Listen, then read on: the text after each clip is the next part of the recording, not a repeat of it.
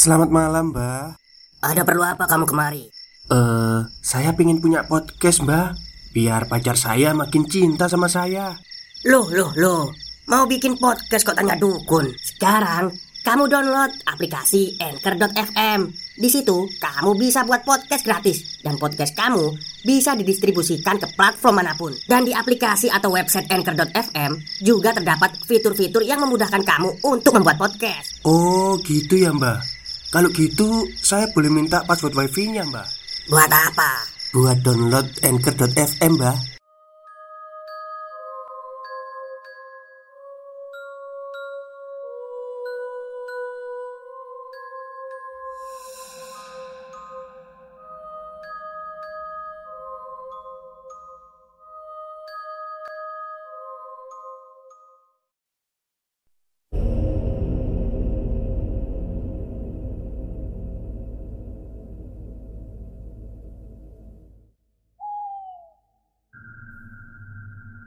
Assalamualaikum warahmatullahi wabarakatuh. Halo semuanya Jumpa lagi dengan saya Chow Sing Sing Kurator dari podcast Horror Night Story. Halo apa kabar semuanya? Semoga kalian semua sehat-sehat ya. Dan seperti biasanya Pada siang hari ini Saya kembali Dan akan menghadirkan sebuah kisah Bukan mistis ya kali ini ya lebih ke arah menyedihkan untuk kalian semua.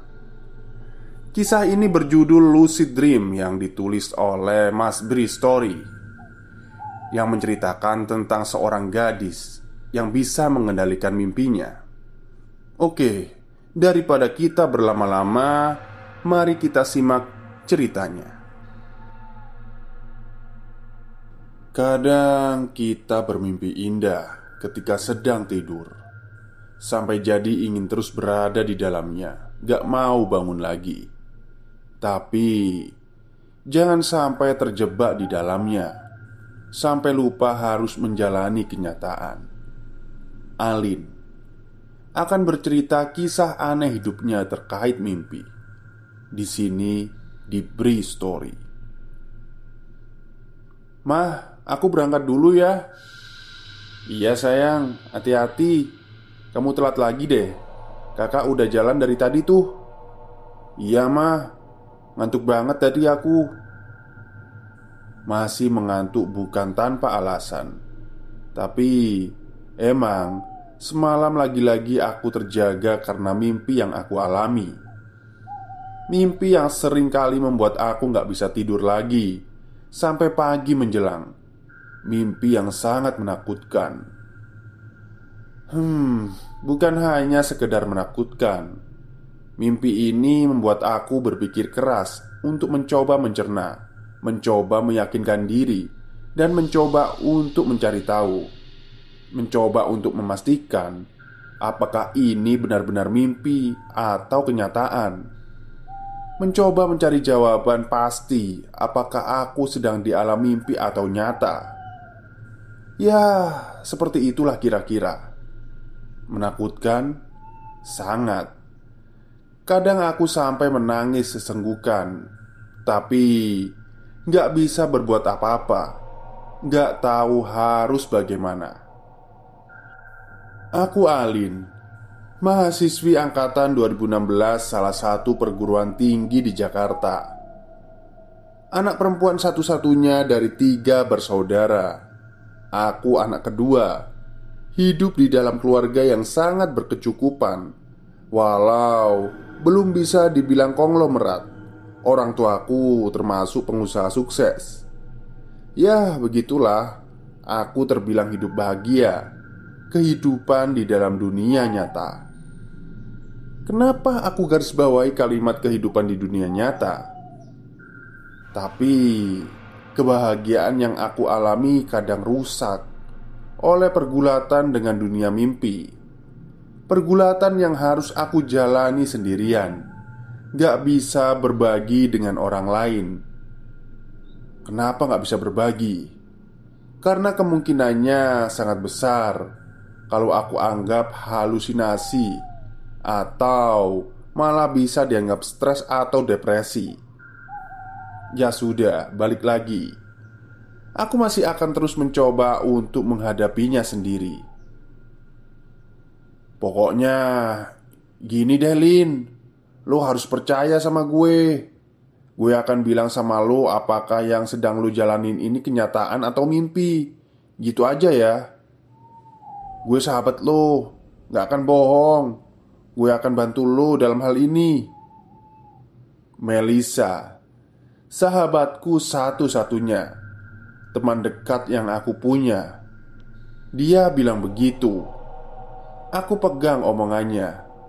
Aku selalu bercerita kepadanya setiap kali baru mengalami mimpi aneh. Melisa salah satu dari dua orang yang aku ceritakan tentang hal ini. Satu orang lainnya adalah Mama. Kamu lupa berdoa sebelum tidur kali. Coba perbanyak doa. Minta Tuhan untuk membuat tidur kamu lebih damai, gak diganggu oleh mimpi buruk. Itu omongan Mama ketika aku menceritakan tentang mimpi-mimpi itu. Intinya, aku masih harus menghadapi semuanya sendirian, all alone. Aku masih ingat pada satu peristiwa aneh terjadi ketika aku masih kelas 2 SMP. Mungkin ini awal mula aku merasakan kejanggalan runtutan waktu akibat mimpi. Runtutan waktu, ya, Sangat susah menjelaskannya. Lebih enak aku menceritakannya saja. Jarak rumah dan sekolah nggak terlalu jauh, tapi aku harus satu kali naik angkot untuk sampai di rumah atau sekolah. Pada suatu hari yang cuacanya sudah hujan sejak pagi, aku sedikit merasa nggak enak badan, agak demam. Aku sudah merasakannya sejak sebelum berangkat. Tapi walaupun begitu, aku tetap bersekolah. Sesampainya di sekolah, setelah bertemu dengan teman-teman, aku sedikit lupa dengan demam yang aku alami. Suasana riang di kelas membuat aku jadi nggak merasa sakit, lupa aja. Tapi seiring dengan bergulirnya hari, ternyata demamku masih ada. Malahan semakin siang aku semakin merasa nggak enak badan Akhirnya aku bilang ke ibu guru Ya sudah Kamu pulang aja Lin Istirahat di rumah Masih bisa pulang sendiri toh? Perlu diantarkan. Begitu kata bu guru menawari. Gak usah bu. Aku masih bisa jalan sendiri Jawabku. Ya sudah. Setelah izin minta pulang, akhirnya aku pulang sendirian tanpa ada yang mengantar. Di depan gerbang sekolah, aku menunggu angkot, lalu angkot datang dan aku naik. Kira-kira 15 menit kemudian aku sampai juga di rumah. Kamu kenapa, Nak? Masih demam ya? Kan mama bilang tadi nggak usah sekolah, tapi kamu maksa berangkat. Kebetulan mama masih ada di rumah Dia menyambutku dengan wajah yang cemas Ya sudah, kamu ganti baju dulu, makan, terus minum obat Setelah itu istirahat, bubuk Gak usah mainin HP atau nonton TV ya Begitu kata mama Aku nurut Mengikuti semua omongannya Aku ganti baju, makan, minum obat, kemudian langsung masuk kamar istirahat, lalu tidur. Tidur yang sangat nyenyak. Kenapa aku menceritakannya dengan detail? Karena memang aku mengingatnya dan masih sangat mengingatnya sampai detail terkecil. Aku ingat setiap runtut waktu yang aku jalani. Kenapa begitu? Karena kejadian setelahnya akan sangat mengagetkan. Setelah minum obat dan tertidur di dalam kamar, akhirnya aku terbangun. Alin, bangun Lin. Bu Iro udah datang tuh. Suara Melisa membangunkanku. Dia bilang begitu sambil menggoyang-goyangkan badanku. Aku terkesiap, terbangun dari tidur. Aku kaget Karena tiba-tiba ternyata terbangun di mejaku Aku sedang duduk di kursi dalam kelas Kenapa lu Lin? Baru mimpi apa lu? Hehe Buruan cuci muka sana biar seger Kata Melisa lagi Ya Tiba-tiba ternyata aku terbangun di dalam kelas Di sekolah Padahal Beberapa jam sebelumnya, aku sudah pulang dan tidur di rumah. Aku yakin kalau beberapa saat sebelum bangun, aku memang pulang ke rumah. Aku sangat yakin karena semuanya begitu nyata. Sama sekali bukan mimpi. Aku yakin itu. Perlahan aku pegang keningku. Ternyata sama sekali nggak demam badanku nggak merasakan keanehan apa-apa. Bahkan, aku merasa sangat sehat. Aku masih sangat ingat semua detail terkecilnya ketika pulang naik angkot. Ketika sudah sampai rumah ketemu mama, makan dengan lauk apa, dan minum obat apa. Aku masih ingat semua. Karena ya itu tadi, semuanya sangat nyata bukan mimpi. Seharusnya bukan mimpi. Kalau memang itu semua mimpi, lalu mimpinya dimulai dari mana? Sejak saat itu, beberapa kali aku mengalami kejadian yang sama, berbaur antara mimpi dan kenyataan.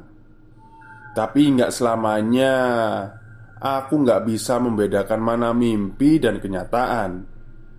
Ada kalanya aku sadar kalau sedang bermimpi kalau sudah begini, aku jadi bisa mengendalikan mimpiku layaknya ketika aku di dunia nyata. Contohnya begini, hobiku bersepeda. Nyaris setiap hari aku menyempatkan diri untuk bersepeda ke mana aja. Nah, singkat aja ya. Intinya, waktu itu aku sadar kalau sedang berada di alam mimpi di mimpiku itu, aku sedang bersepeda menyusuri Jakarta. Seperti biasa, aku ingat detailnya karena nyaris sama dengan kenyataan. Tapi sekali lagi, aku sadar kalau saat itu sedang bermimpi. Pokoknya begitu. Setelah puas bersepeda, aku lalu pulang. Ketika sudah sampai di jalan dalam komplek perumahan tempat aku tinggal, dari kejauhan aku melihat ada keramaian. Ya, keramaian. Keramaian itu terjadi persis ada di depan rumahku. Banyak orang, ada tenda juga, keramaian layaknya pesta. Ketika melihat itu semua, aku langsung menghentikan laju sepeda, berhenti seketika itu juga. Setelah cukup lama dia memperhatikan itu, lalu aku memutar balik Gak jadi pulang. Aku menjauh dari rumah. Kenapa menjauh? Ada alasannya. Aku banyak mendengar cerita. Katanya Kalau kita bermimpi melihat ada keramaian di rumah Itu pertanda kalau ada anggota keluarga yang akan meninggal. Serem kan? Aku takut kalau nantinya akan ada keluarga yang meninggal. Makanya aku gak jadi pulang dan memutuskan untuk menjauh dari rumah. Sebegitu nyatanya mimpi yang aku alami, sampai-sampai aku bisa mengendalikan semuanya. Layaknya hidup di dunia nyata, nyaris gak ada beda. Pernah juga aku mengalami kejadian yang menurutku menyeramkan. Peristiwa ini terjadi sekitar tiga tahun yang lalu. Pada suatu malam, sekitar jam satu, Aku terbangun dari tidur. Terjaga karena suara ponsel berdering. Ada nama Melisa tertera di layarnya. Stop, stop. Kita break sebentar. Jadi gimana? Kalian pengen punya podcast seperti saya? Jangan pakai dukun. Pakai Anchor. Download sekarang juga. Gratis Lo kayak nggak bisa nelpon aja sih Mel. Gila lo ya. Jam berapa ini? Ganggu orang tidur aja deh. Aku ngomel-ngomel Menjawab telepon dari Melisa Hehe Sorry sorry. Gue nggak bisa tidur nih. Pusing mikirin Gavin. Gavin adalah pacar Melisa Dia memang begitu. Selalu curhat kalau sedang ada masalah dengan Gavin Ya sudah. Selanjutnya dia mulai cerita panjang lebar. Kami berbincang. Lagi-lagi aku ingat setiap detail yang kami perbincangkan. Aku ingat setiap topik lucu yang kami tertawakan. Aku ingat semuanya.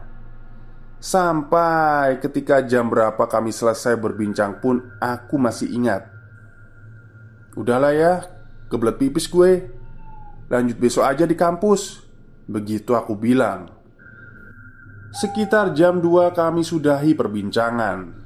Aku yang sudah sangat ingin buang air kecil Langsung beranjak keluar kamar menuju kamar mandi. Setelah selesai dari kamar mandi Aku kembali ke kamar. Tapi tapi betapa terkejutnya ketika sudah sampai di kamar. Berdiam di samping tempat tidur Aku melihat ada orang yang sedang tidur di atas tempat tidur. Tercengang kaget Karena orang yang sedang tidur itu adalah aku, diriku sendiri.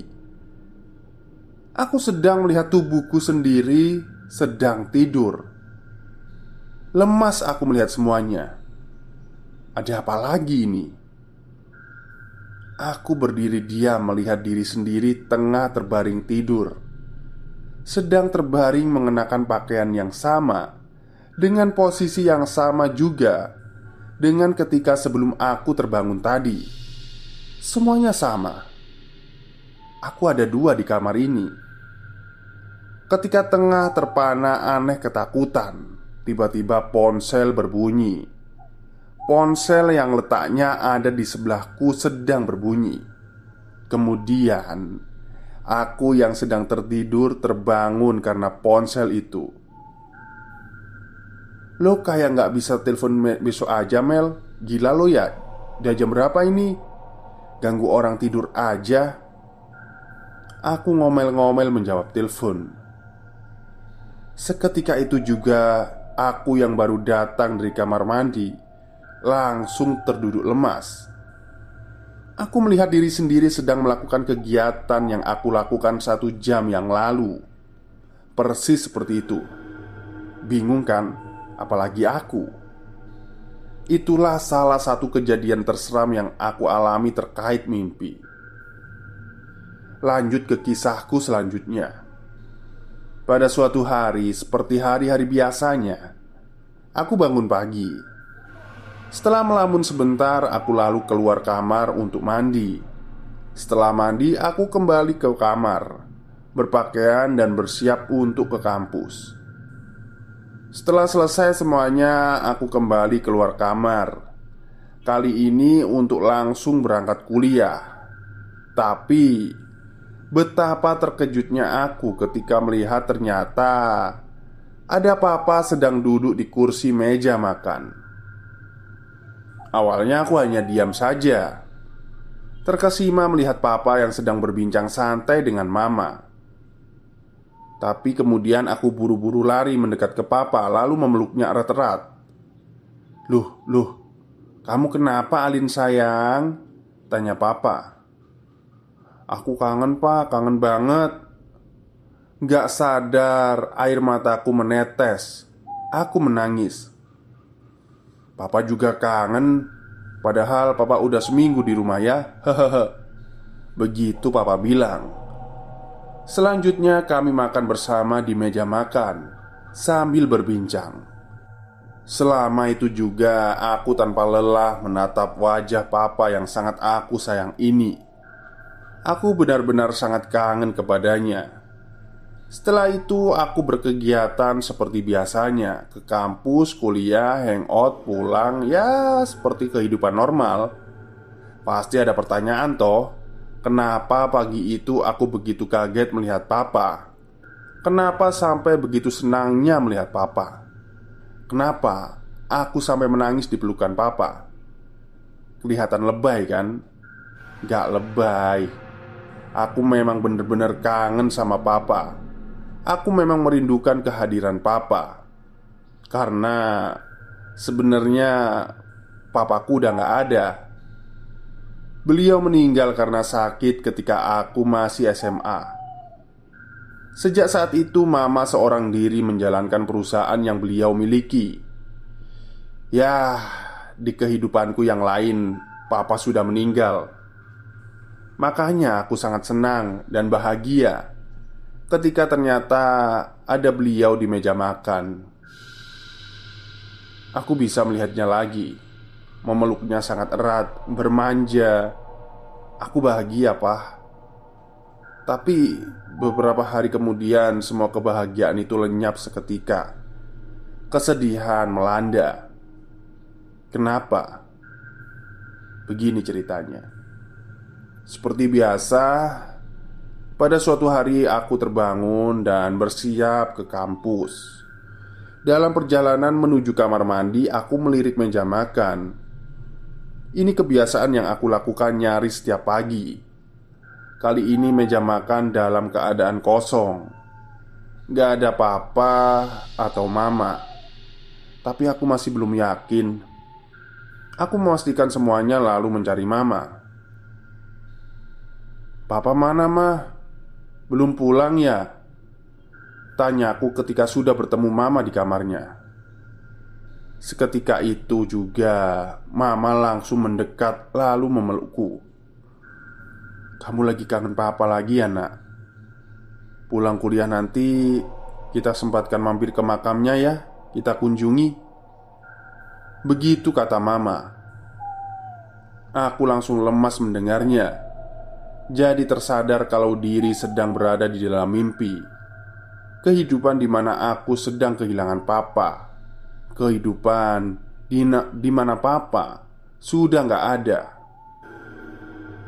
Aku sangat berharap untuk bisa terus hidup di dalam mimpi, di mana papa masih ada. Tapi ya itu tadi, aku sering kali bingung mana yang mimpi dan mana yang nyata sangat bias.